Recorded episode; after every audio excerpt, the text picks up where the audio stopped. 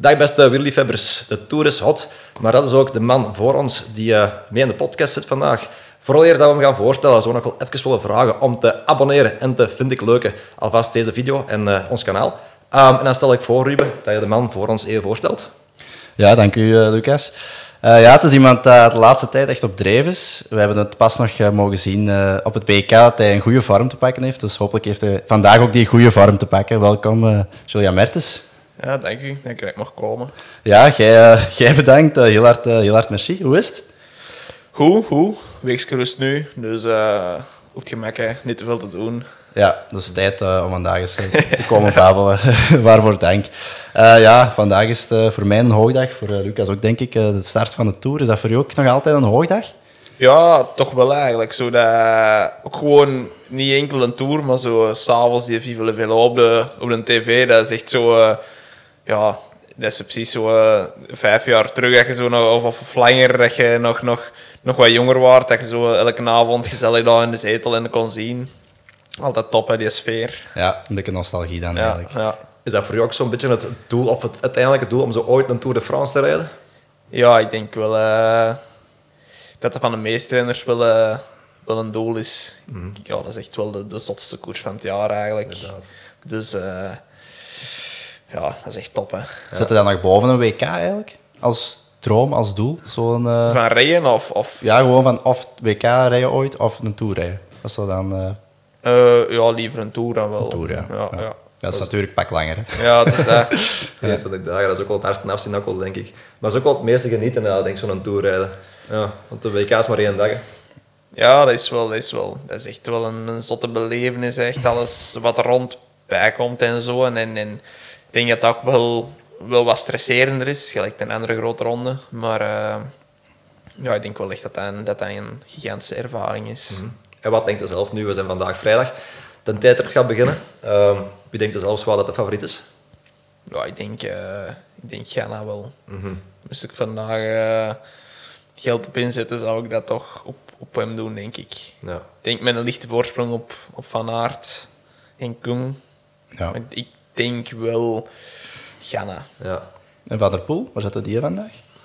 ook wel top 10, maar ik denk niet dat hij uh, gespecialiseerd genoeg is voor, uh, voor echt meedoen voor de overwinning. Moest er nu, gelijk in een Giro, nog een klimmetje op het einde in zitten, dan is dat een ander verhaal. Mm -hmm. Of wat meer bochtig gelijk daar. Maar ik heb uh, gelezen dat er wel wat bochten zijn, maar veel breed. Dus puur technisch gezien denk ik ook niet dat hem daar veel gaat terugpakken. Plus, ik denk ook niet dat hij betere bochten kan pakken, gelijk een Ghana of een Koen op een tijd het fiets, aangezien dat die mannen daar eigenlijk half op leven. Mm -hmm. Dus um, ja, ik denk wel uh, dat dat wel de favorieten zijn. Ja, ik denk ook wel dat de verschillen heel dicht bij elkaar gaan zijn. En wat ik me dan ook wel een beetje zo... Een stoor misschien die echt, maar toch wel echt belangrijk aan het worden is, ook zo de kledij. Daar wordt nu ook heel veel gedaan over die pakken en zo. Alles geeft een minimaal verschil. Mm -hmm. En dat kan misschien wel een doorslag geven, hè? zo'n goede pak aan. Ja, sowieso. Het is, uh, een tijd geleden was ik zo aan het sturen met uh, een ex-ploegmaat van vroeger bij de Nieuweling. En die werkt nu in de, de windtunnel van uh, Eindhoven. Mhm. Mm -hmm. Dus die werkt samen met Jumbo-Visma. En die zei ook echt wel dat pak en helm echt wel een gigantisch verschil kunnen maken. Dus uh, ja, topmateriaal hebben ze in een top 10 allemaal. Dus ergens moeten een beetje de verschillen gemaakt worden. Ja, ondertussen hebben ze ook wel allemaal top pakken en helmen. Maar uh, dat is wel echt belangrijk. Ik denk... Ik denk niet dat Yates de, die tijdrit in een Giro had gewonnen voor Van der Poel zonder uh, dat pak. Mhm, Mm -hmm. Dus ja. uh, dat was drie seconden verschil. Ja, ja ik, ik, denk wel dat dat pak wel zoveel kan verschil maken. Ja, dat vind ik eigenlijk wel spijtig, zoiets. Dat niet iedereen met de gelijke wapens kan strijden. Want iedereen heeft een andere sponsor, BioRacer, je hebt alle verschillende soorten bedrijven. Die ene maken gewoon een sneller pak als een ander. Ay, dat, is, dat is niet met de gelijke wapens van start gaan. Ja, dat is waar. Maar dat is hetzelfde met materiaal uiteindelijk. Er is ook wel een groot verschil in. Hè. Bij, die, ja, bij die eerste mannen, het is allemaal topmateriaal. Bij Jumbo of Ineos of wat dan ook. Ik zie die nieuwe Pinarello, uh, echt uh, zotte fietsen. Ziet er goed, hè? Ja, echt, echt top. Maar uh, ja, dat is ook wel een groot verschil tegenover sommige andere ploegen. Uh, ja, dat is, dat is een beetje hoe dat, hoe dat, dat werkt. Hè. In de Formule 1 is het uiteindelijk ook, uh, ook groot verschillen tussen de auto's en al. Dus, dat dus, dus ik denk dat dat mentaal ook wel een groot voordeel geeft. Als je zo weet van ik ga hier mijn snelste pak van start. Mm -hmm. Ja, sowieso. Ik denk, Dat doet denk- wel iets, denk ik. Hè? Ja. Als je nu, nu van aard zei en je weet dat je eigenlijk fysiek gezien super dicht bij Ghana ligt, echt dat je praktisch hetzelfde zei. Maar stel dat je weet van die start met het beste pak dat er is, echt een, een groot voordeel, en ik start met een minder pak, dan uh, Ja, voilà. dat geeft wel een mentaal voordeel voor Ghana dan. En voor, eh, voor Van Aert veel stuk minder. Ja. Maar ik ben zo wel een beetje sceptisch over die pakken. En Want bijvoorbeeld het zwemmen. Vroeger had ook zo die supersonische pakken waar ze allemaal de nieuwe wereldrecords mee zetten en zo. En dan uiteindelijk hebben ze dat moeten ja, afschrappen eigenlijk, omdat die pakken gewoon niet doen ze nu niet meer. Allee, ik vind, ja... Het is, het is echt miniem tijdrijden en zo. Dat wordt echt aan elk puntje aandacht aan besteed. En het is wel jammer dat je dat niet allemaal... Ik vind het ergens toch jammer dat je niet allemaal met tegelijk op afstand staat. Het is natuurlijk wel jammer dat je een tijdrit wint of verliest of tweede wordt door een pak. Dat vind ik dan wel. Ja, ik snap natuurlijk wel als ze daarmee bezig zijn. Maar, Dat eh, wint eigenlijk de beste niet. ja. Dat is frustrerend zijn, is hè, want frustrerend. als je ziet Van Aert, hoe was het, twee seconden in een Dauphiné, met pak van de, Van de organisatie. van de organisatie. Als je weet dat Agu van Jumbo daar echt ook superveel geld in stikt voor op maat gemaakte pakken, echt supersnelle pakken. Ja, als je weet, die twee seconden op, op hoeveel was dat, 35 minuten, ja, dat is, als hij een, zijn eigen pak aan had, dan had hij misschien 20 seconden eh, of, of, of pak 10, 15 seconden rapper gereden Dus dan Ghana. Hè. ja. Dus dat is wel frustrerend op die, op die manier, denk ik. Ja, zeker ook. Ja, de organisatie moet dan ook wel toelaten om een eigen pak te rijden. Ik denk dat dat eigenlijk wel logisch is misschien dan toch. Vind ik ook. Zeker dat het zoveel verschil maakt. Ja. Hmm. Ja, ja, ik wel. eh, je kunt het ook doen gelijk eh, Rowan Dennis in Romandie. Dat is, eh, die gast die, die had dan gewoon gezegd van ja, ik heb mijn pak per ongeluk gescheurd deze morgen toen de laatste tijdrit. Zodat hij eigenlijk met zijn eigen tijdritpak kon rijden. Ah, dus eh hij zei ja, dat is kapot, dus ik kan er niet meer rijden. En dan heeft hij gewoon met, zijn, met het tijdritpak van de ploeg gestart, terwijl hij leider was. Zalig. Ja, en heeft hij dan geen boete of zo gekregen? Of was dat dan niks? Ja, nee, omdat hem waarschijnlijk zal hij dat wel echt gescheurd hebben of zo, wel bewust of zo. het En, eh, ja, dan kunnen ze er op zich weinig tegen doen. Maar als je dat gewoon doet, niet lust, allee, dat niet draagt en gewoon een eigen pak draagt, kunnen ze wel de wedstrijd zetten of een boete geven. Ja. Dus ja, Dat soms, is te ja. riskant. Hè. Zeker als je dan eh in Dauphiné, Van Aert zei of, of wat dan ook, dat, dat kun, je, kun je bijna niet maken. Hè. Mm, Nee, nee. Maar soms dat het belskantje is af en toe wel eens goed. In de, topsport dan blijkbaar. Zeker, zeker. Ehm, ik vroeg mij af, eh stel dat je nu als prof naar een wielerwedstrijd kijkt, zoals een Tour op tv, is er een verschil met een wielerliefhebber, denk je? Dat je op andere dingen gaat letten als prof zijn? Ehm, ja, je hebt iets meer inzicht in de koers zelf. Hè. Zo de, de, ja, moet ik zeggen, gelijk, ja, als in de koproep of zo, je, ja, je gaat iets gemakkelijker zien van iemand dat kapot zit, terwijl iemand anders denkt van ja, dat is een sleper of zo. Of eh, die, die pakt niet meer over, was dat vreemd. Maar ja, als coureur ziet dan zo misschien wel, wel gemakkelijker de trekjes dat die dan wel kapot zit of wat dan ook. Of, of, ja, plus, je ziet ook zo... Sommige mannen kennen wel van in de koers, dus, dus je weet zo van... Ja, die gast is echt een eikel. Dat kun je wel, eh, wel zeggen, zo, ja, dat, dat, dat de buitenwereld eigenlijk niet weet. Ja. Ja.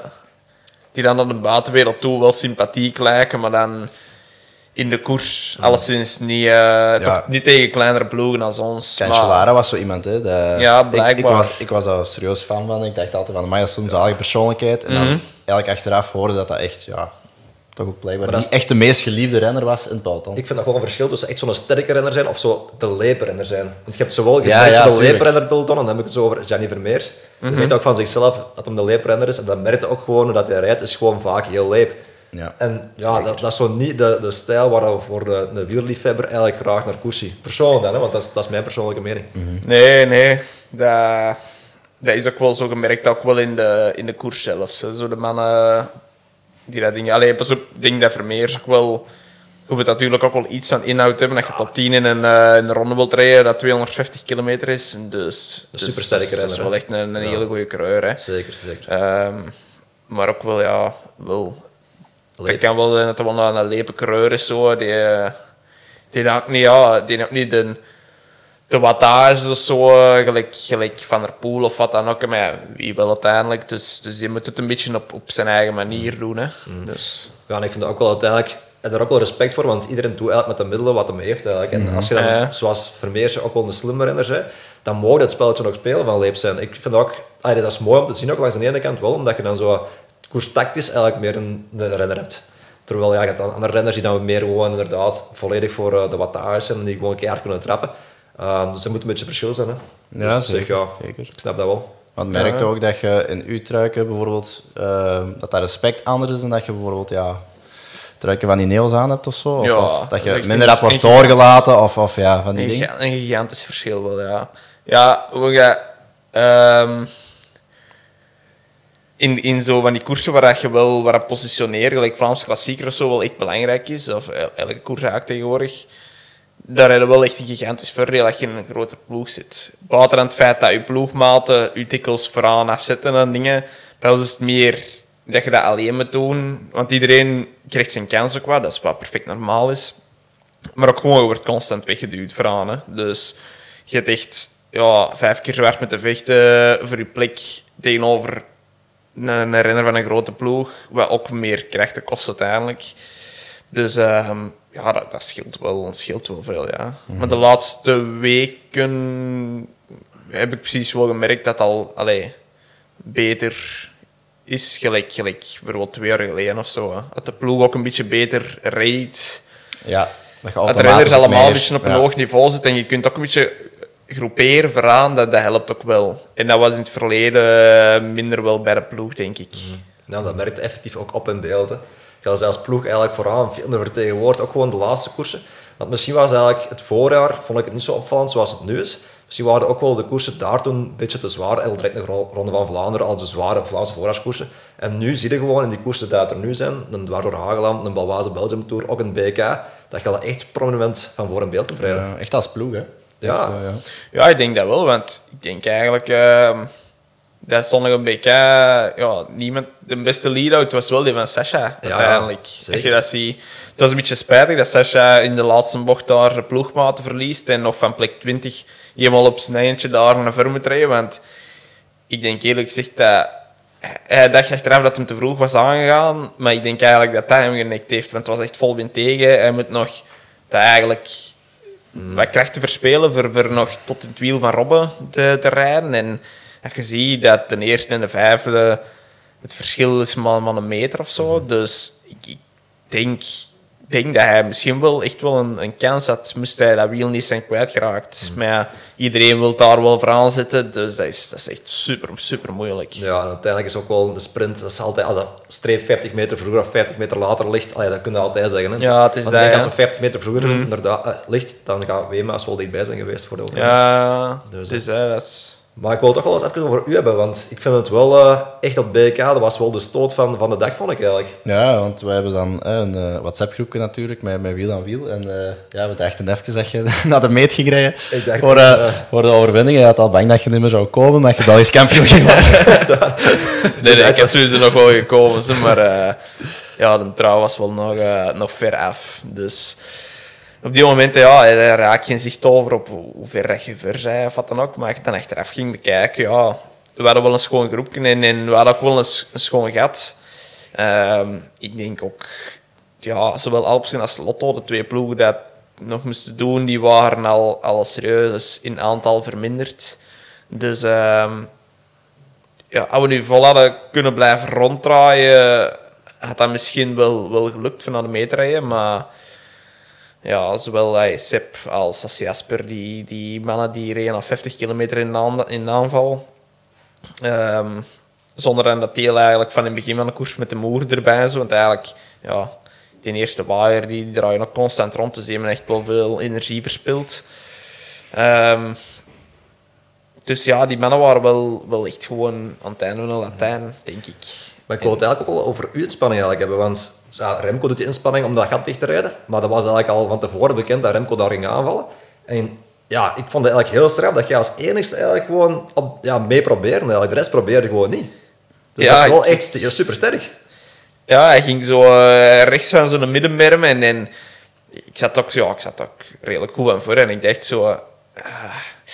want dat is zo een lastig tempo al, al een paar rondes en dat draaien en keren en je wint en zo maakt het wel wat lastig. Dus je voelde wel van dat dat, dat wel al wat, wat gepikt had. Maar ehm, ja, ik dacht ook van ja, dat die sprinten zijn ook niks. Dus ik kan maar gewoon proberen en ja, de Remco reed echt in één trek super snel naartoe. Bij mij duurde het wel iets langer. En eh, ik, ik had ook niet verwacht dat er niemand naar zou reageren. Dus misschien dat iedereen echt wel wat aan blok zat. Of, of ik weet het zelf niet goed, want er zaten wel nog goede mannen vooraan. Maar ja, dat was wel een beetje een ingeving van het moment. En op die moment zelf wist ik niet van dat ik het ging dichtkrijgen.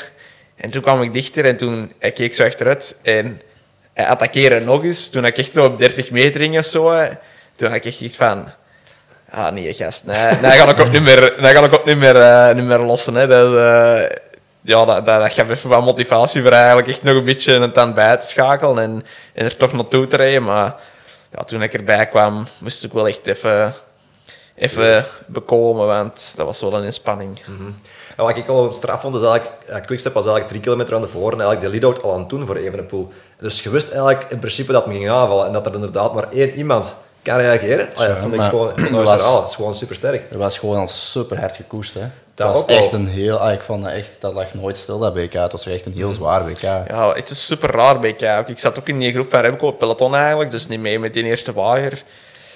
Ik denk op drie rondes aan het einde hadden wij 2,5 minuten echt achterstand of zo. Dus ja, want die stopten ook met rijden omdat die opgesoupeerd waren en ja, die wisten ook dat, dat, dat ze dat niet meer konden dichtrijden. Ik dacht ook dat de koers voorbij was. Hè. Ik had ook ja, ik- mijn en zo niet meer gepakt, omdat ik dacht van ja, dat heeft ook geen nut voor dat nou nog te pakken. Dan ben ik ze gewoon opgefokt dat ik eh, van de fiets stap en daar heb ik ook niks aan. maar ehm, ja, in, in één keer begint wel een bestel te rijden en wij, pakken dan een groep terug en, en iets later zijn we nog een groep rijden. Dat was een super raar situatie. Je had echt geen overzicht eigenlijk van, van de koers nog. In de ploegauto's kregen ze ook weinig informatie, denk ik, want wij hoorden niks. Enkel juist dat wij over de, over de meet reden, dan hoorden wij hoeveel achterstand dat wij hadden. En in één keer hadden wij, heb ik een hele groep teruggepakt op eh, die eerste elf na.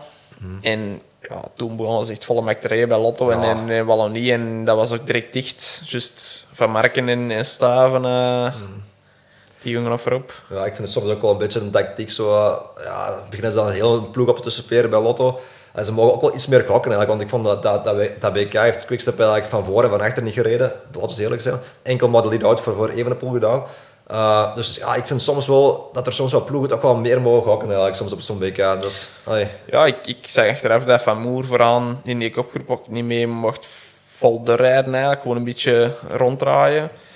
Ja, uiteindelijk is dat wel echt een sterke renner. Hè. Dus dat is wel de ene waar ik van weet van na een zwaar koers, stel dat die 14 voorop blijft, want die hadden wel een schone voorsprong. Eh als er dan niet amper wind was in de moeren, dan had het wel moeilijker geweest om die terug te pakken. Die draaien allemaal vol rond. Ja, Van Moer is wel een van de weinigen van die kopgroep waarvan je van weet van die gaat op tende nog wel, nog wel een cartouche hebben. Die gaat nog iets over hebben. Stel voor dat hij een solo zou kunnen rijden. Maar ja, ik snap ook wel de ploeg met de Lee en zo, dat ze daar iets meer allee, vertrouwen dat is- of dat is dingen moeilijk, hadden. Maar uiteindelijk hebben ze heel de ploeg opgesupeerd en dan is er eigenlijk niemand meer over voor de lead-out voor, eh, voor de Lee. is de Pauw zat op een kilometer aan het einde op kop te rijden nog en de Lee zat alleen. Uh, maar ja, op, ah, het is echt een, een hele warboel, hè, dus op zich is dat, Dat is echt moeilijk, heel. Dat moeilijk. is moeilijk, dus- hè, ja. Maar Ja, je ziet er waar uiteindelijk weinig nog met een, met een lead-out een beetje. Hè. Dus Merlier, eh ja, dat was eigenlijk nog wel, nog wel sterk van die mannen. Dus ja, Merlier die, eh, is een lead-out. Dat was eigenlijk eh Philips niks weg eraf voor. Of andersom. Ik weet het niet meer, maar nee, die zaten aan de wiel Ja, alleszins. En, en dat hielp wel, wel een beetje, want die waren ook niet veel meer. Mhm. Ehm ja, Rimeus die was helemaal alleen. Mhm. Allee, Kian Uitenbroeks, die zat niet meer in die groep alleszins, denk ik. Dus die heeft ook allemaal alleen moeten doen. De meesten zaten op die moment wel zonder echte lead-out nog. Ja, het is wel een verschil als je bijvoorbeeld bij Bora met twee start of ze hebben Lotto gestart met 20 man. Ja. dus ja, maar kom, ik zal de kritiek, eh, geen kritiek meer geven, want anders eh wil er niemand van Lotto meer langskomen. Ja, al sinds knappe prestatie. Even terug naar de Tour, want nu zijn we een beetje afgeweken. Wat helemaal niet erg is, want het was interessant. Ehm, ja, het belooft een spectaculaire eerste week te worden. Eh, er is ook een rit met kasseien. Hoe kijkt je daarnaar? Vind je dat een meerwaarde als zo'n rit wordt toegevoegd aan een Tour de France? Of hoeft dat niet voor u? Ehm, ja, ik vind het altijd wel interessant. En dan krijg je toch echt wel de complete renner uiteindelijk. Hè. Dus eh, voor mij mag dat er wel in zitten. Misschien niet elk jaar, hè, maar ik vind wel af en toe dat dat, juist gelijk zo wire etappes, gelijk dat morgen een kans op is. Ehm, ik vind dat wel, wel een extra toevoeging eigenlijk aan, aan, aan het parcours. Hey, wel, wel een goed ding eigenlijk. Misschien ja, niet elk jaar, wil ik zeggen, omdat dat wel veel stress en eventueel valpartijen kan veroorzaken, maar uiteindelijk zoekt het toch een beetje naar de meest complete renner. Hè. Ze zijn ook de tijdritten zo aan het super hard tegenover tien jaar geleden eh, aan, het- aan het verminderen in de koersen. Dat, is- dat vind ik ook niet echt een goed ding. Ik Nee. moet een beetje van alles kunnen toch uiteindelijk voor, voor een Tour te kunnen winnen. En, Ja. en We hebben het ook al wel echt over gehad, hè, over die tijdritten, dat dat wel jammer is. Ja, dat vind ik ook echt maar jammer. hè, met, met die kasseirrit dan, ja, daar kan wel eens met minuten gegooid worden. Stel, stel nu dat dat ook eens een regenachtige dag wordt.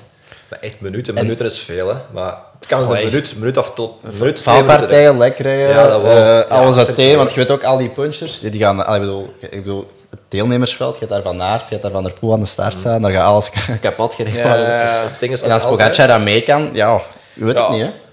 Het, ja, het ding is ook eigenlijk altijd in zo'n kasseirrit, dat is een van de meest heroïsche... Je kunt je nog goed herinneren, bijvoorbeeld. De tijd dat Boom won in 2014. De, regeneditie, je je hebt- ja, dat, dat blijft bij. Dus ik vind dat echt wel goed als dat er wel in laten, keer in de etappe. Het moet inderdaad niet elk jaar zijn, hè, maar... ik denk dat Nibali toen zelfs tweede werd in die etappe. Ja. En die pakte daar effectief wel, wel minuten denk ik, op zijn tegenstand. Ja, ik denk ja. dat Ja, van de, Vroom die etappe zelfs niet eh, uitgeschakeld zelfs. ja dat wel, dat is het nadeel. Hè. Dat was gevallen en gedaan. Ja, ja, dat is waar. Uiteindelijk had hij nadien ook niet meer, toen hij Contador dan toen nog viel en zijn knie brak, eh, had hij eigenlijk weinig tegenstand nog, hè, want die elke berg zit gewoon een minuut Ja, weg van iedereen. Ja. Maar toch, dat was wel echt, echt zot.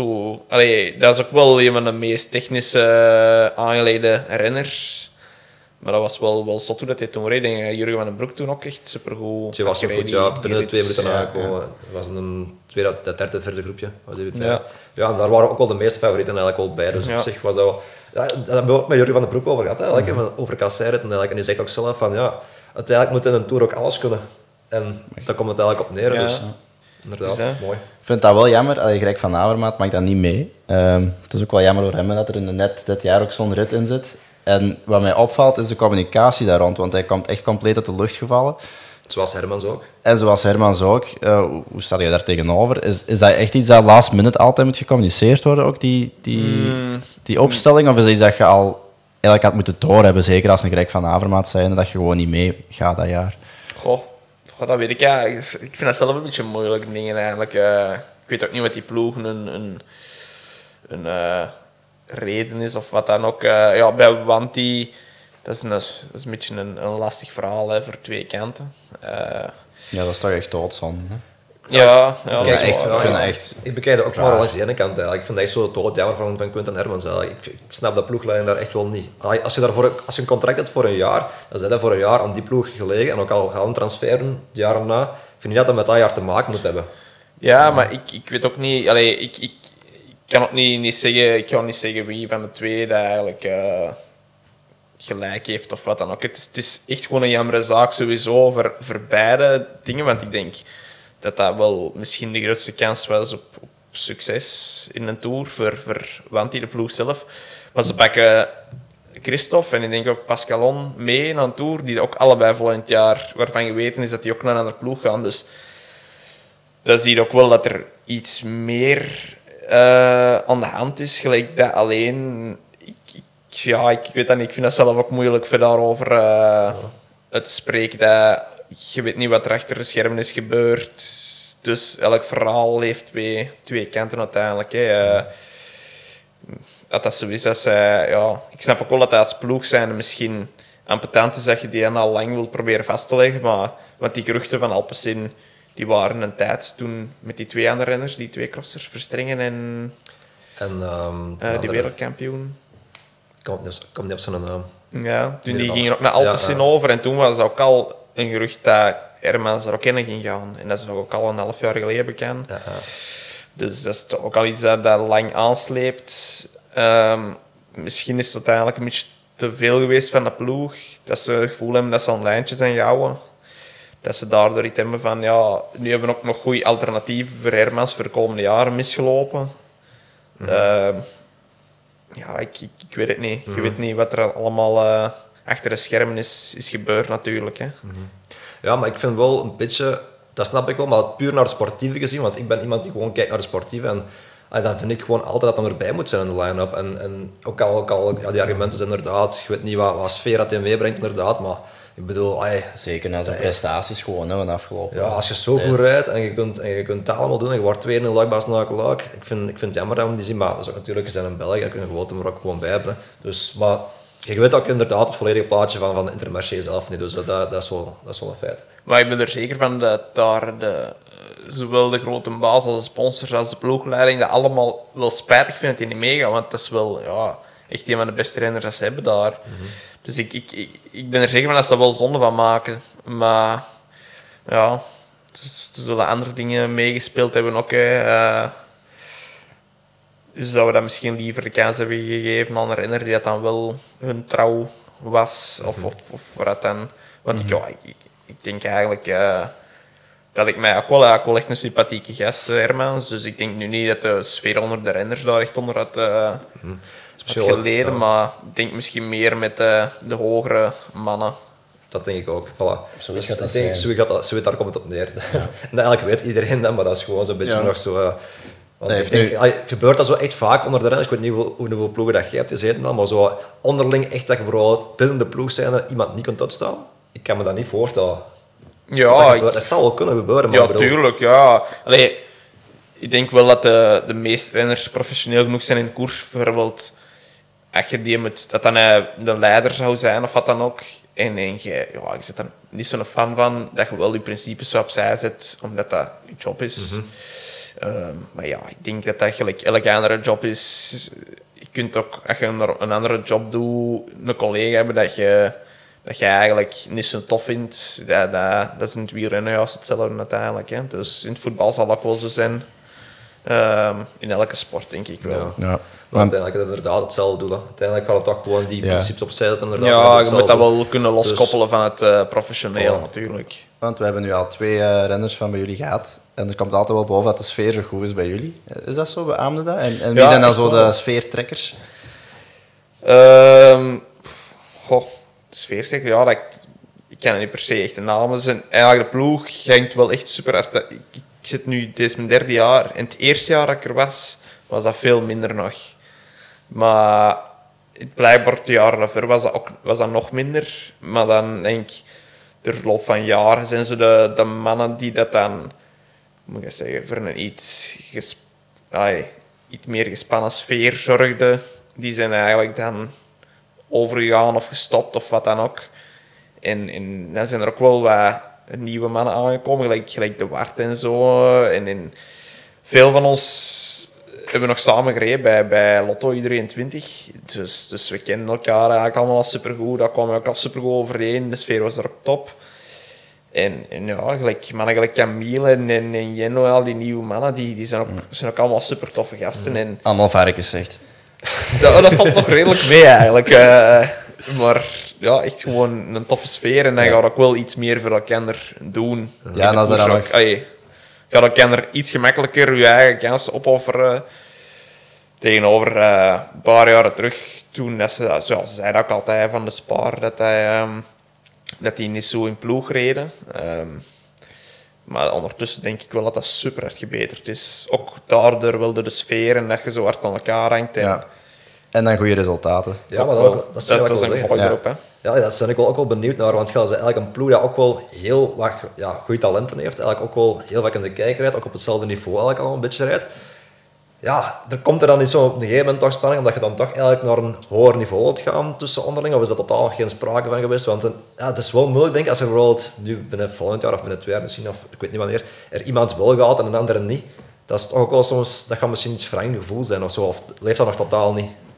Ehm, ja, bij mij persoonlijk niet. Er zijn altijd mannen, want gelijk vorig volgend jaar zullen er ook wel over gaan. Ze- Er gaan er ook wel over, naar een grotere ploeg. Maar meestal is dat wel, wel verdiend of zo. Nee, dat, eh, allee, je hebt toch weinig in de hand zelf als, als eh, van buitenaf. Dus hebt ook weinig nut voor daar dan jaloers te zijn. Zeker als je zo goed overeenkomt. eh gelijk nu bijvoorbeeld met de Wart. Dat is echt, ja, echt een topkerel. Komt daar supergoed mee overeen.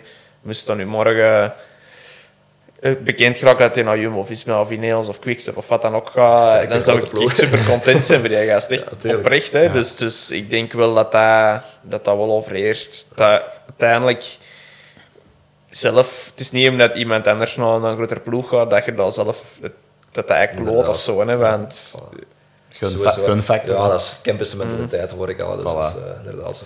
Nice. Goed. ehm, nog een vraag? Misschien overgaan naar de carrière Ja. van, eh, van, Voilà, van ik stel voor dat we naar, naar uw carrière eens gaan kijken, want we hebben natuurlijk eh, een beetje opzoekwerk verricht. Hoe is eigenlijk uw liefde voor de fiets begonnen? Ehm goh. Destijds, ehm goh, hoe zat ik toen? Tweede middelbaar of zo, derde middelbaar.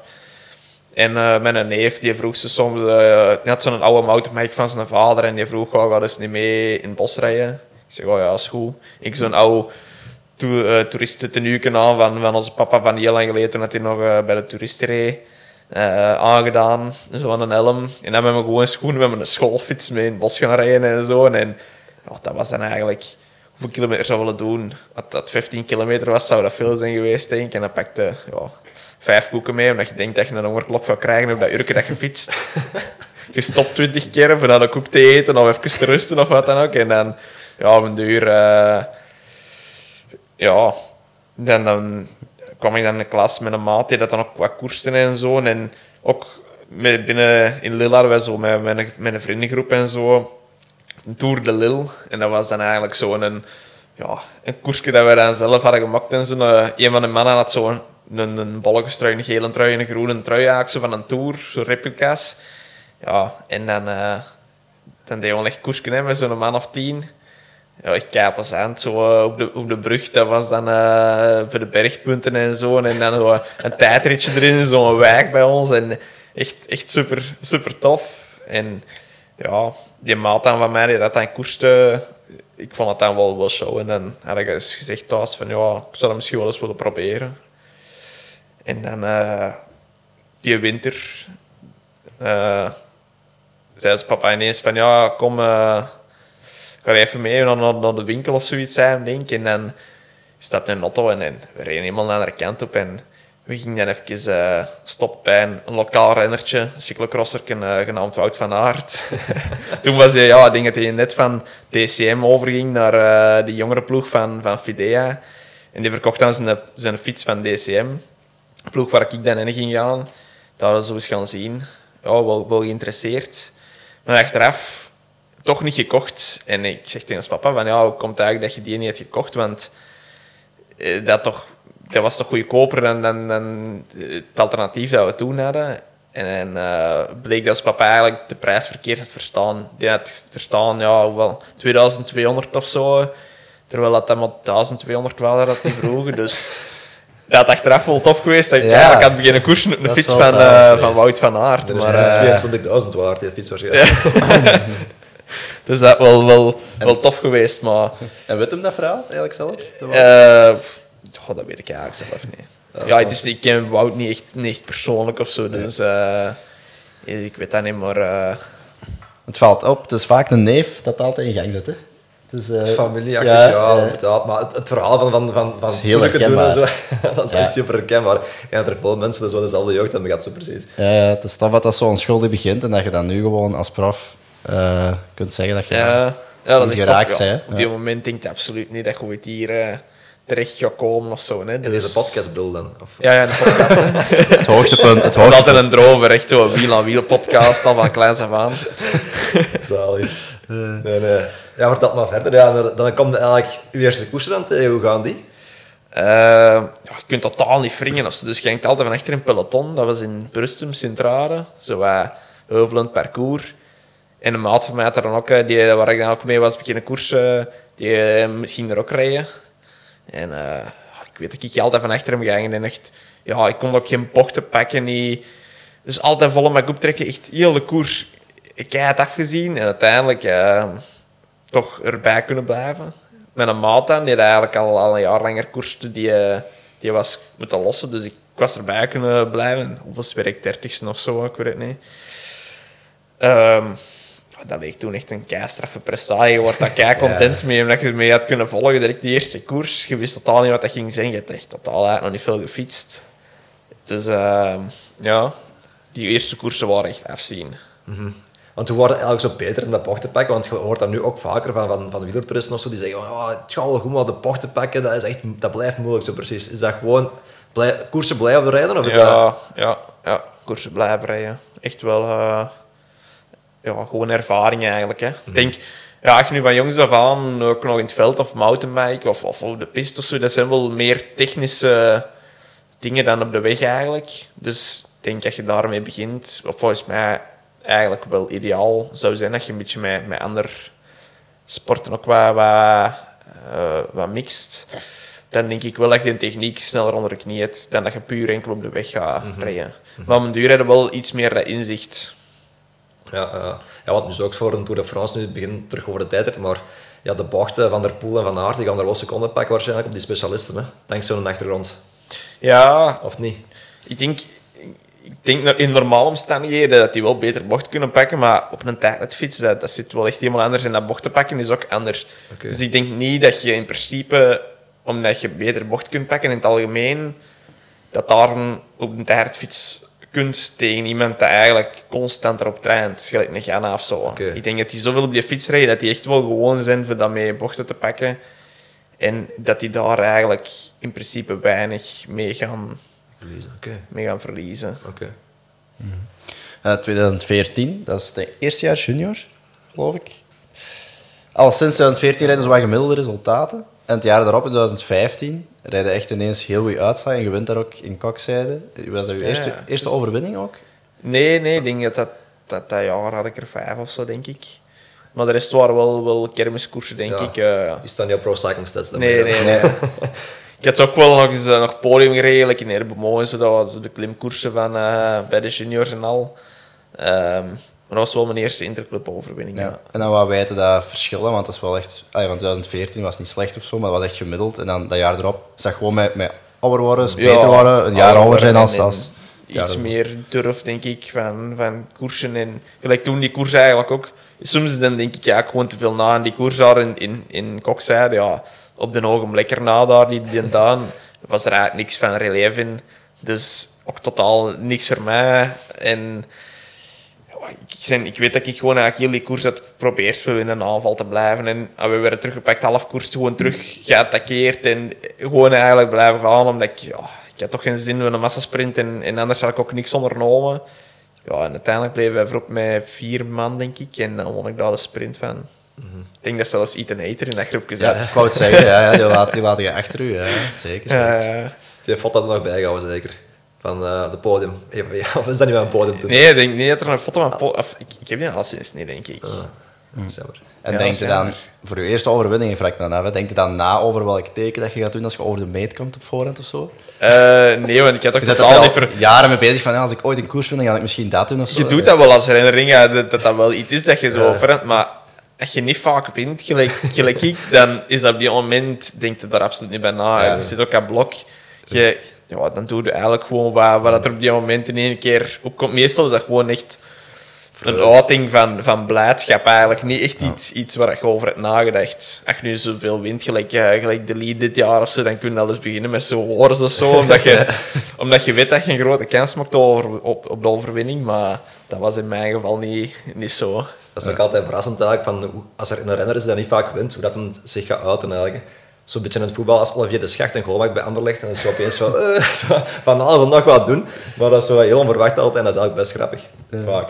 Ja, ja, ja, dat is... Ja, ik, ja, ik zeg het, dat is zo, als jeugdrenner denk ik daar veel over na. Zo van, nou, wat zou ik doen als ik een koers win? Maar dan op die moment, dan doe je echt gewoon je zegt, de arm in de rug. Of, of je roept echt volle mek of zo, omdat je echt gewoon content bent.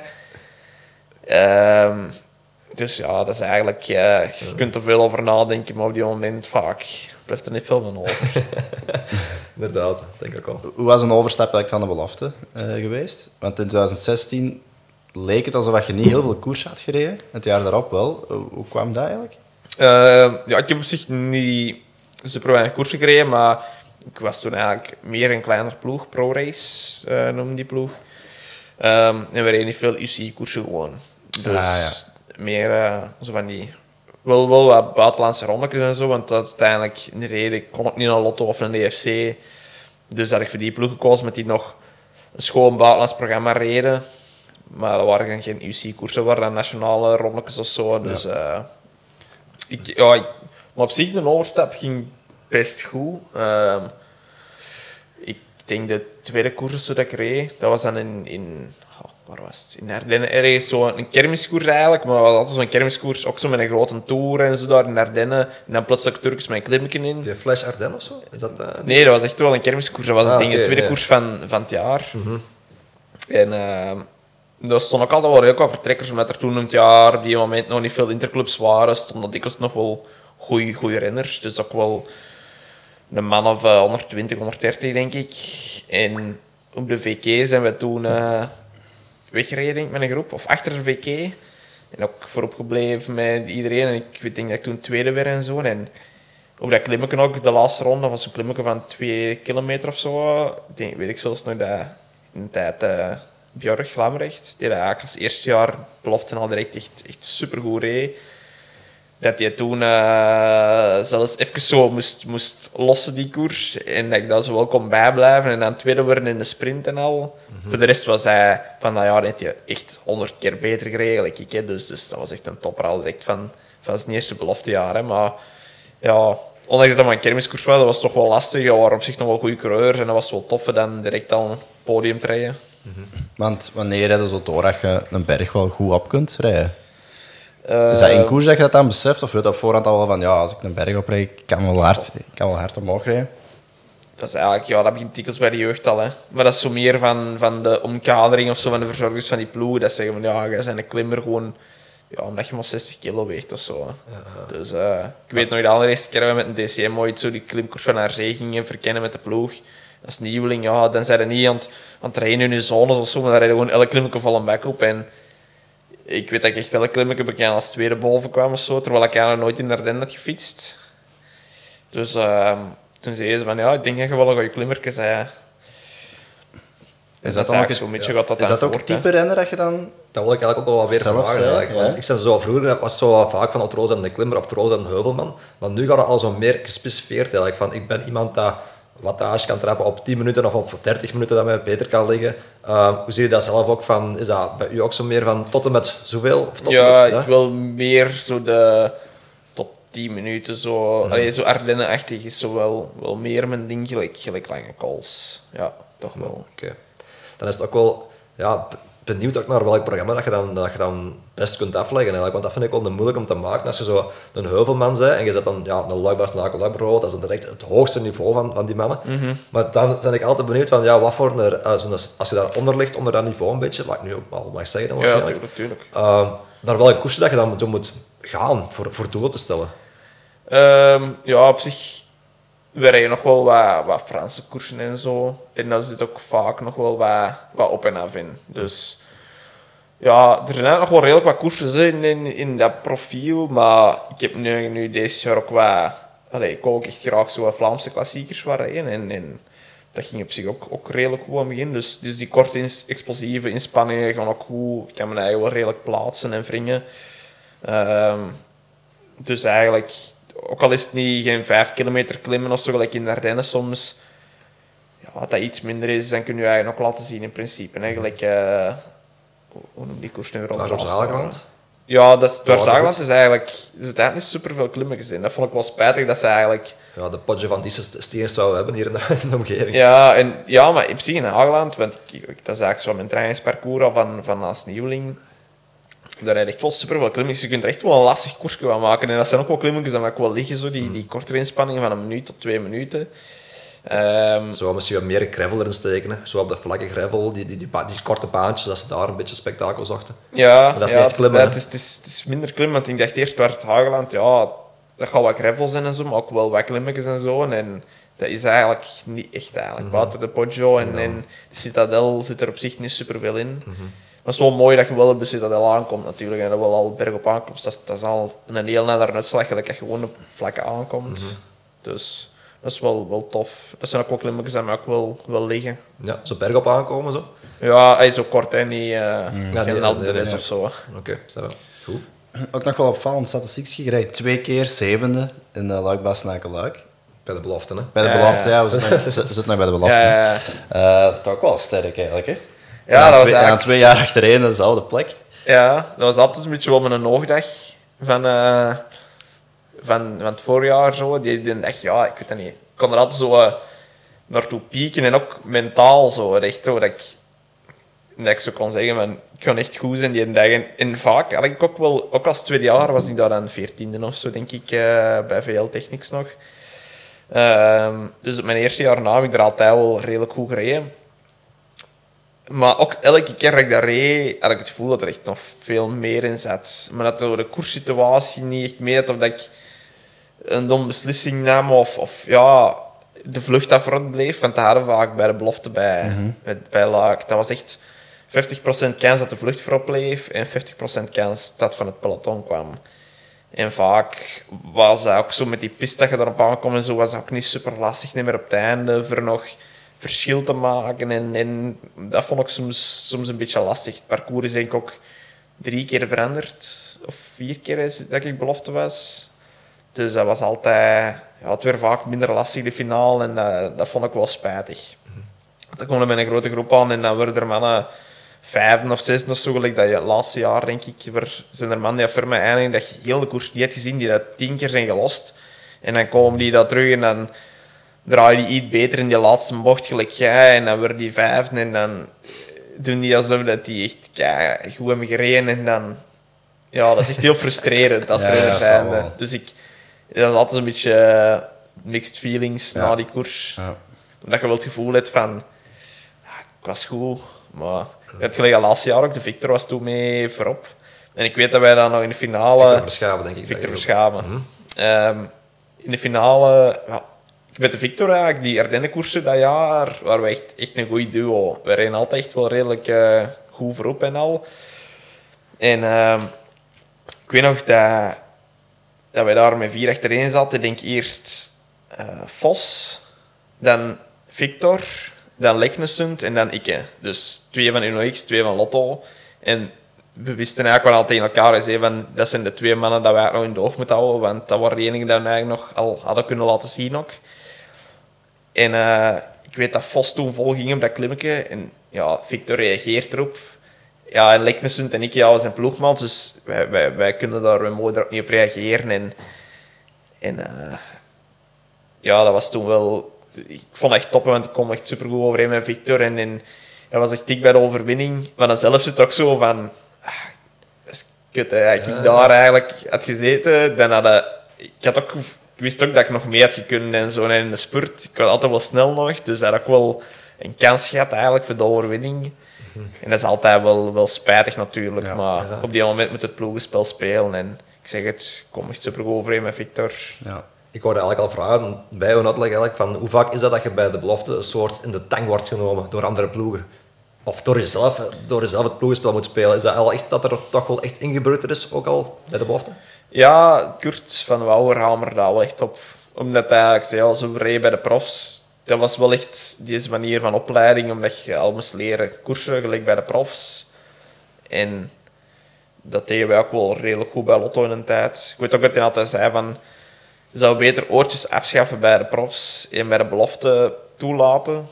Omdat je daar eigenlijk die opleiding nodig hebt, dan kunnen die daar leren koersen eigenlijk, met oortjes, een beetje meer ondersteuning. En dan weten ze dat ze met koersen eerst prof zijn. Ja. Maar ehm, ja, dat is, je, je leert dat wel bij die, bij die betere ploegen wel vooral in ploeg te rijden. Ik denk ook wel dat dat ook wel mee heeft geholpen naar dat wij nu als ploeg bij Sport Vlaanderen ook wel meer gegroepeerd rijden. Omdat wij ook allemaal bijna eh, van die ploeg komen. en, en je leert dat daar en dan gaat dat zo voort. hè. Als je dan met, met drie man groepeert, dan gaan die andere mannen ook komen. Dus eh halve Camille, die blijft altijd van achter in het peloton. Verschillen moet er zijn, hè. vind ik goed. Er en toe zo geen bij is dat ze gewoon eh, zijn eigen ding doen, zoals de Gent doen. ja. Waarom niet? Ja, dat is wel zeker. Ehm, je hebt ook in 2019 nog wel een sterke prestatie geleverd, hè? ook internationaal in Noorwegen. Worden daar derde. Ja, ja. Eh, hoe, was dat, hoe is dat gegaan? Want dat was toch ook wel een sterk deelnemersveld toen. Hè? Ja, dat was, waren wel goede renners. En dat waren ook echt, ik vond dat echt super toffe koersen. Die waren goed georganiseerd. Ehm, ook echt een aangenaam land voor in te koersen, Noorwegen. Ehm, en dat was ook zo een met, ik denk op een kilometer van de meet, nog een stijl kastje van goh, 800 meter of zo. Ik weet dat we dan nog met een selecte groep waren en, en dat toen Florian uh, Vermeers toen mij, mij wat hielp voor mij uh, te houden, voor de sprint ook. En ik weet nog dat er toen een demareerde van achteruit zo op, op 500 meter of zo. En die Niklas Larsen die dat won, die kon direct op dat wiel springen. En die man hadden zo al 10, 20 meter versprong, zo, uh, dat je de spurten kon inzetten. En uh, die werden dan ook 1 en 2. En dan won ik de spurt dan nog, nog voor de derde plaats. Ja. Sterk. Dat hoort ook al niet vaak, dat er iemand zo is aangegaan op 500 meter aan de streep en dan zo tot, tot de overwinning gaat. Ja, die werd uiteindelijk wel tweede, die gast. Ah, ja, de laatste die kon op dat wiel springen en dat is ook een supersnel. Ik had, ik had de laatste nog niet geklopt in de spurt, ook mm. niet. Dus, dus ik denk dat tweede plek sowieso wel uh, de hoogste haalbare was die dag. Mm. Um, maar ja, dat was op zich wel een goede move van die gast, want ik denk dat hij ook niet echt een sprint had. Dus die moest iets proberen. Ja. En dat waren ook allemaal, uh, ik denk, achter jou waren er vier en vijf waren ook allemaal profs. En ik denk één en twee waren ook profs. Dus uh, dat was uh, zeker een goede wedstrijd. het jaar daarna gaat het naar Topsport Vlaanderen. maar je hebt dan eigenlijk een beetje gesukkeld met de gezondheid, of de eerste jaar? Of, of hoe was dat juist? Ik heb ik een heel jaar met een knieblessure. Alleen van november tot juli, denk ik, dat ik uh, echt mijn knieblessure zat. November dus tot juli? Tot Amai, juli, dat is wel echt heel lang.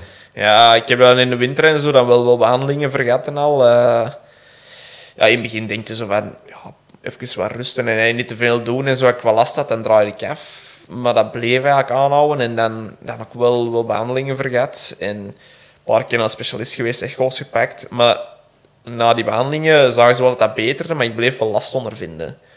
En ja, dan, dan zat in die lockdown, ik kon nergens nog naartoe voor naar dokters of kinesisten of wat dan ook. Dus dat was heel lastig. Dus dat was altijd zo een paar weken trainen, twee uur per dag max. En dan terug een week rusten. En ja, je zei uiteindelijk gewoon achteruit aan het gaan hè, tegenover het jaar ervoor. Iedereen was aan het trainen, gelijk als nog nooit hadden getraind. Mm en, en, en zelf zit daar zo wat te kloten. En dan uiteindelijk, ja, vanaf dat dan terug mocht, superveel naar de kine geweest. En Ehm, dan heeft dat probleem zich uiteindelijk wel, wel opgelost. Um, ja, dan moest ik in juli beginnen een verbreiding voor in augustus terug te beginnen koersen. Met die corona. Ja, dat is veel te kort. En je had echt niks basis. Wat dan ook, dat jaar was echt gewoon... Uh, die koers die ik nog heb gereden, nog wat aanhangen. Uh, en in proberen... Uh, just Hongarije, die eerste koers, viel nog op zich mee. Maar dat was echt superveel ups en downs met een mm. vorm. Dat was echt uh, niet zo'n tof jaar. Nee, dat is ook wel ja, moeilijk dan nog, want jij wordt dan eigenlijk je eerste profjaar en dan zoiets geen baas kunnen leggen, dat is, dat is volgens mij echt heel moeilijk om dan ja. te presteren. Dat ik ook vragen, inderdaad. Ja, dat is, dus... ook wel. dat is ook wel. En dan het jaar erop, die winter, dat mhm. was dan wel op zich een hele winter een goede winter, maar je voelde wel, omdat je het jaar ervoor zo lang het, het geweest, dat je langer nodig hebt dan normaal voor eigenlijk terug, terug top te geraken. Met een trainer zei ook, dat is normaal. Als je echt maanden amper traint, dan duurt dat sowieso langer voor terug op uh, niveau te geraken. En, uh, maar het ging allemaal goed. En dan kreeg ik uh, die eerste koersen weer ook terug uitgesteld. Die van Mallorca en zo, met uh, corona-dingen. En dan kreeg ik begin februari zelf corona. Mm -hmm. Maar dat was ook, ik denk, de eerste van de ploeg dat ik kreeg. Uh, de eerste week was ik er ook wel zo uh, niet super van. Maar er was ook nog geen protocol rond. En als ploegdokter toen was daar wel echt heel voorzichtig in. Dus die zei echt van drie weken van de fiets blijven. Ik heb echt effectief exact drie weken niet gefietst. Ja, dat is hetzelfde gelijk je winterrust. Je moet terug van nul beginnen omdat ze toen ook zo een, een, een verdikking zagen op je hartspier, een beetje met een echo. Die zei wel, die cardioloog, van ja, dat gaat wel niks zijn, maar het is omdat je dat zo hard belast je hart, dat we dat wel extra gaan onderzoeken. Dus pak nog een MRI. Eh, maar tot die MRI mocht ik niet intensief trainen. Dus enkel losrijden en een beetje duur. En ja, toen omdat er, na die coronacrisis waren er super lange wachttijden van het ziekenhuis binnen geraken. Dus het eerstvolgende was vier weken later. Dus vier weken heb ik enkel wat kunnen losrijden en een beetje duur, zonder intensiteit. Dan uh, op een woensdag namiddag had ik die MRI. Dat was dan allemaal in orde. Ik ben aan de ploegleider en je had dan graag dat ik dat weekend al begon te koersen. Maar ja, ik had drie weken gerust en dan vier weken alleen wat, wat losgereden, echt op gemakje gefietst. Ja, ik zeg ja, ik wou ook, omdat ik het jaar vooral zo weinig had kunnen, kunnen doen voor de ploeg, ja, dan, dan zeiden van ja, is goed. Ja, de eerste koers, de ploegdokter zei van ja, stap even naar 100 kilometer, want dat is anders te veel. De week erop teruggekoerst, dan gewoon in een groep gelost aangekomen. En dan ging het al naar de Brabantse Pijl, Walse Pijl, Amstel en Laag. Ja, je hebt echt totaal geen basis. Hè. En dan in Brabantse Pijl en Walse Pijl, alle twee in, in ontsnapping, lang in ontsnapping gezeten. Ben hij echt helemaal naar de kloten gereden. waardoor ik altijd een half week moest, moest recupereren. Ook waardoor ik het weekend met Amstel en Laag altijd echt super slecht was. En dan tegen de woensdag erop was ik dan terug een beetje beter, waar ik terug mee in de vlucht ging. Ja, dat zo heb ik eigenlijk achteraf gezien was dat misschien niet het slimste, omdat ik, ja, dat is niet echt goed voor je vorm. Als je eigenlijk niks basis zet en je redt dat twee keer echt volledig uit de haak. Want dat was echt wel volledig uit de haak. Maar ik snap ook wel, want je wilt je dan bewijzen dat je dan Je wilt toch- dat bewijzen, Ja, je wilt laten iets zien. doen. Ja, Hè. zeker.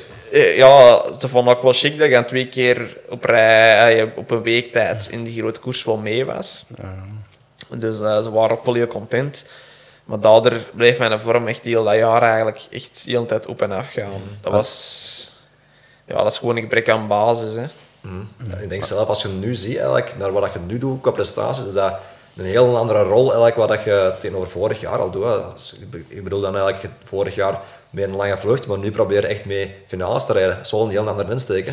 Ja, dat is echt wel, wel een groot verschil. Maar toen voelde ik ook van dat dat niet, dat dat niet lukte, gewoon finales rijden. Nu voel ik al van, oh ja, dat gaat wel beter. En dan kun je ook beter wringen en zo. Toen, gelijk in de Ruta del Sol, zat ik altijd te ver van achter met die klimmen en zo, waardoor ik ook eerst weer gelost. En ja, als je, als je voelt van, ik heb toch geen benen voor te volgen eigenlijk, dan ga je ook niet die risico's pakken, waardoor je eigenlijk te ver begint en dan moet je nog eerder lossen, gelijk als je anders zou moeten lossen. Ehm, dus dat is ook wel frustrerend op die moment, maar deze wat eerste jaar, laatste nu de eerste weken dat ik voel dat ik beter ben gelijk dat ik was bij de belofte. Ja. En dat heeft wel lang geduurd op zich. Ja, want ja, je wordt dan prof, je maakt dat nu een droom waar eigenlijk. En je hebt dan zoveel tegenslagen. Hoe gaat het daar dan mee om voor je op te laaien? En voor dit seizoen zo sterk te zijn. Want ja, je, hebt, je hebt dan echt twee seizoenen aan elkaar eigenlijk pech gehad de hele tijd. Hè. Ja, ja. Ehm, Hoe gaat het daar mentaal dan mee om? Om toch nog te zeggen van kom, we gaan, we gaan eh, nog eens vallen back.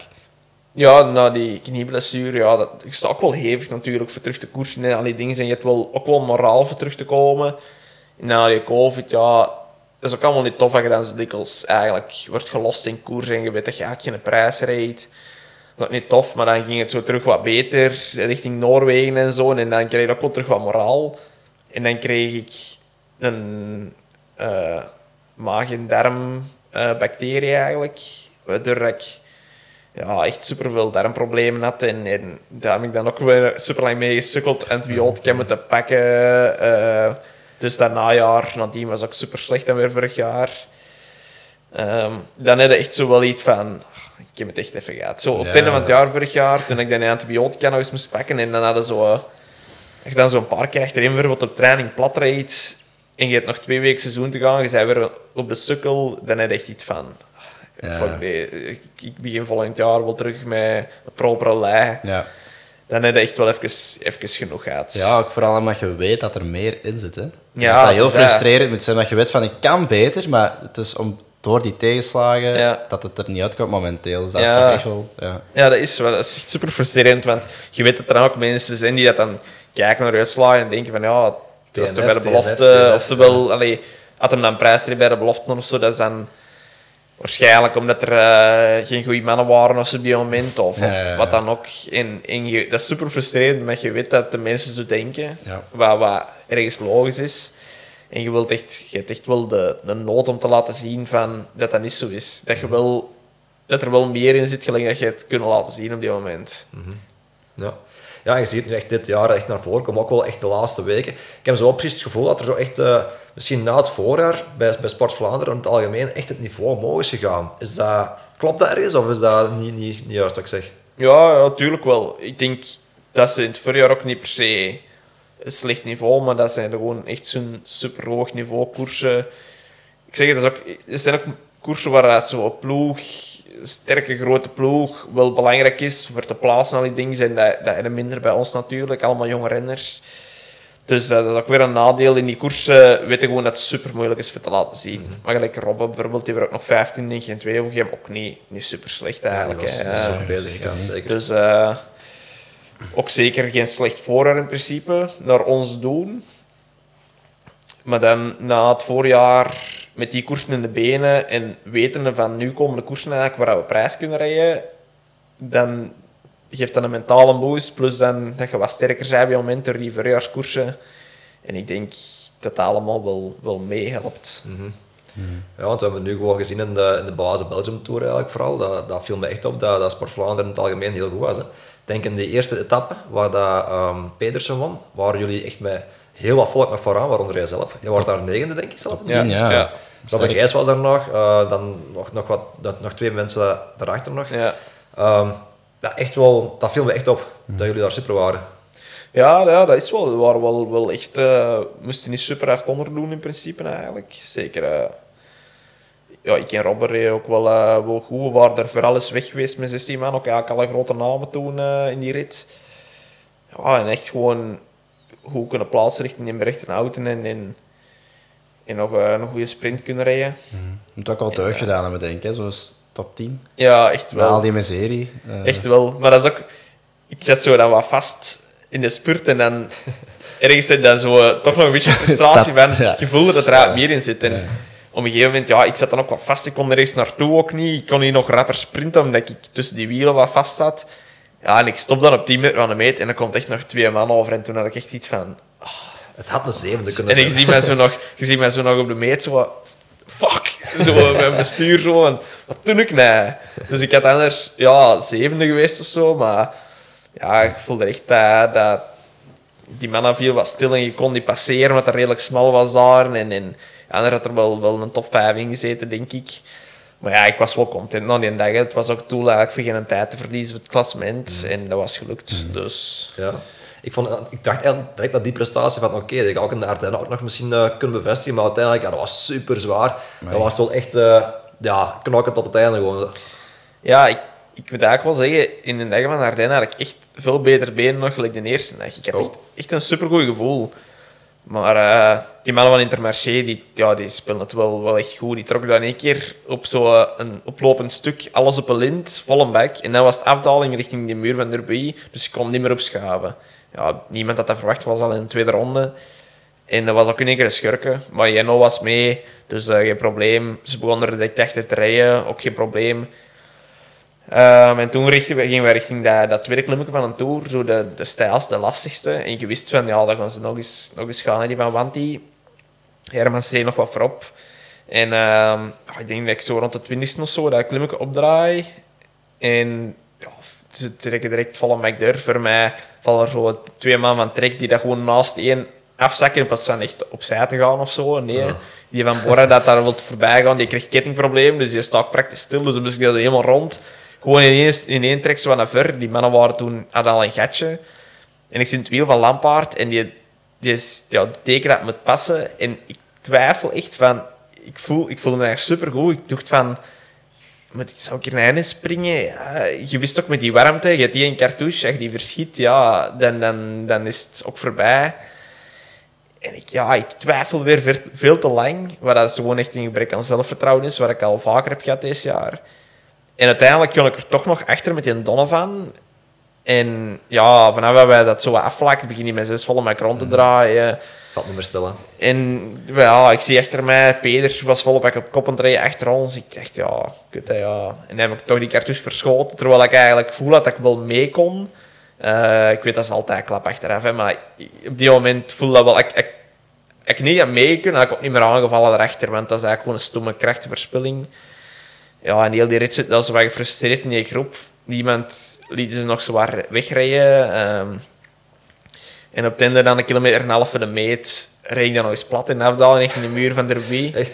Dus ik kon nog van fiets wisselen. Ja, je kunt nooit geen... Ja, ik ben dan meer op mijn minuut achter die mannen aangekomen, omdat ik gewoon Ja. moest wachten en dingen. En is- ja, ik was echt super slecht gezien na die rit. Want ik, ik voelde echt dat er een top 5 had ingezeten weer. En dan... eh, ik, ik, weet, ik weet wel echt, dat is zo'n klap achteraf. hè. Ik zou dat normaal echt nooit niet zeggen. Nee, maar moest ik dat ook niet ja. mijn eigen super hebben gevoeld. En dat is gewoon, ja, die durf zo. Dat, met de voorbije jaren denk ik, omdat ik ook geen finales meer heb kunnen racen sinds ik belofte was, mankeer ik die, die durf een beetje. En ja, daarmee dat ik dat BK wel nog probeerde, eigenlijk.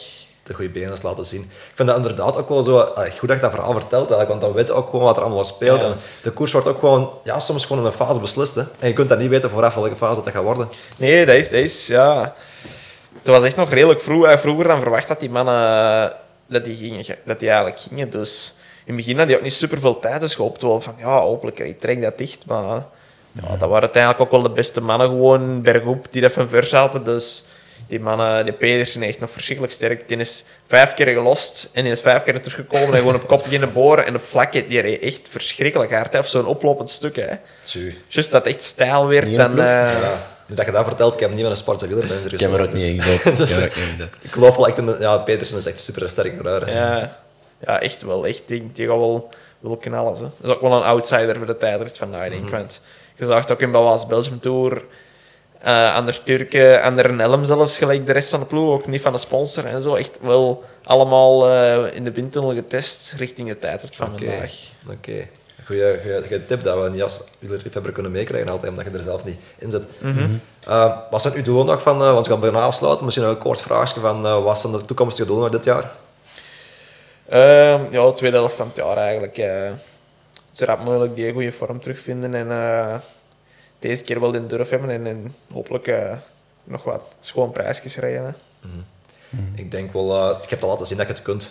Zeker. Dus eh, Zeker. zeker doen, ja. Eh, ik had nog wel één vraagje, want wat ons wel frustreert soms, en eh, dat is bij Wart en Camille bijvoorbeeld ook, dat jullie minder genoemd worden door, door de Karel en de José, bij Ja. wijze van spreken. En ik vraag me dan zo af, zijn jullie daarmee bezig? Ehm, is dat iets dat veel impact heeft op een jonge renner als je meer genoemd wordt op tv? Dat is wel leuk, dat ga ik ook niet ontkennen. Gelijk in Dwars het Hageland was eigenlijk zo de eerste keer, eh, toen was het Christophe van der Goor, die dat zo wel, Dat is van dan, denk ik. wel eh, ja, die mannen, dat die wel zo wel, wel meer aandacht gaven aan renners van ons ploeg. En ik had ook al gemerkt dat Karel van Nieuwekerk dat ook wel beter deed. Maar ik weet ook wel, Michel Baats en José de Kouwer, die twee samen zaten, die zei eigenlijk...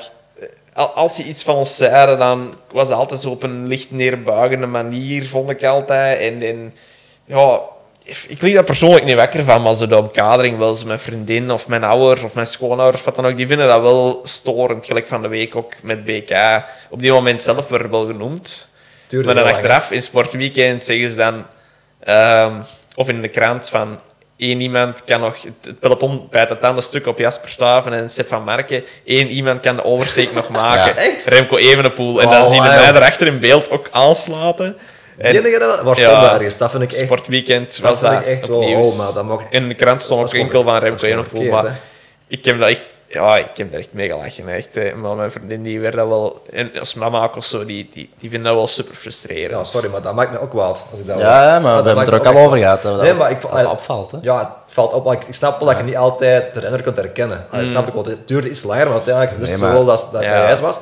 En, en dat begrijp ik wel, maar als je een paar keer een renner hebt gezien wie het is, dan kun je ze wel herkennen, vind ik wel. En- Voilà, en het zijn toch, het zijn toch Belgen. En, en ja, ik vind toch dat het opvalt dat ze, dat ze te weinig genoemd worden. Dus bij deze een oproep. Ja, dat mag ja ik zeg, er zit wel verbetering in. Zo, Ja, want gelijk, het eh, Ja. Zowel Renaat Schotten als Christophe van der Goorden in, in de Ronde van België daar aan uh, Balans Belgium Tour, sorry, eh, komen vragen hoe dat je mijn naam eigenlijk uitspreekt. Dus, dus dat is ook wel, eh, wel tof dan natuurlijk. Hè. Eh, En maar er, ja. er is dat- verandering bezig, maar eh, het duurt even. En dat hebben wij niet gedaan. Hè? Want hoe spreekt het eigenlijk juist uit? Julian? Of Julian. Julian. Julian, ja. Dus ja, Ik ga het waarschijnlijk verkeerd hebben gedaan in de intro. eh, Sorry. Oh, maar dat is niet erg. Ik hoor dat zelfs aan meer, want iedereen zegt dat verkeerd altijd. hè. De eerste keer dat ze dat horen. Ja. Dus ja. Nee, geen probleem. Ja, bedankt Julian uh, Mertens. Julian Mertens? Julian. Julian Mertens, om hier te komen alvast. Ja, het was geen heel probleem. fijn. Ik ga de naam uh, proberen juist uit te spreken op het vervolg. Um, ja, dus dat gaan we afsluiten, denk ik. Hè. Het, was, uh, het was weer fijn, Ja. het was weer interessant. Ik hoop ook uh, dat de kijker het weer interessant vindt. Ik bedank uh, Ruben, ik bedank vooral Julian Mertens hier voor hier te komen. En abonneer, vind ik leuk, deze video. En dan zien we jullie de volgende keer weer. Tot dan. Ciao.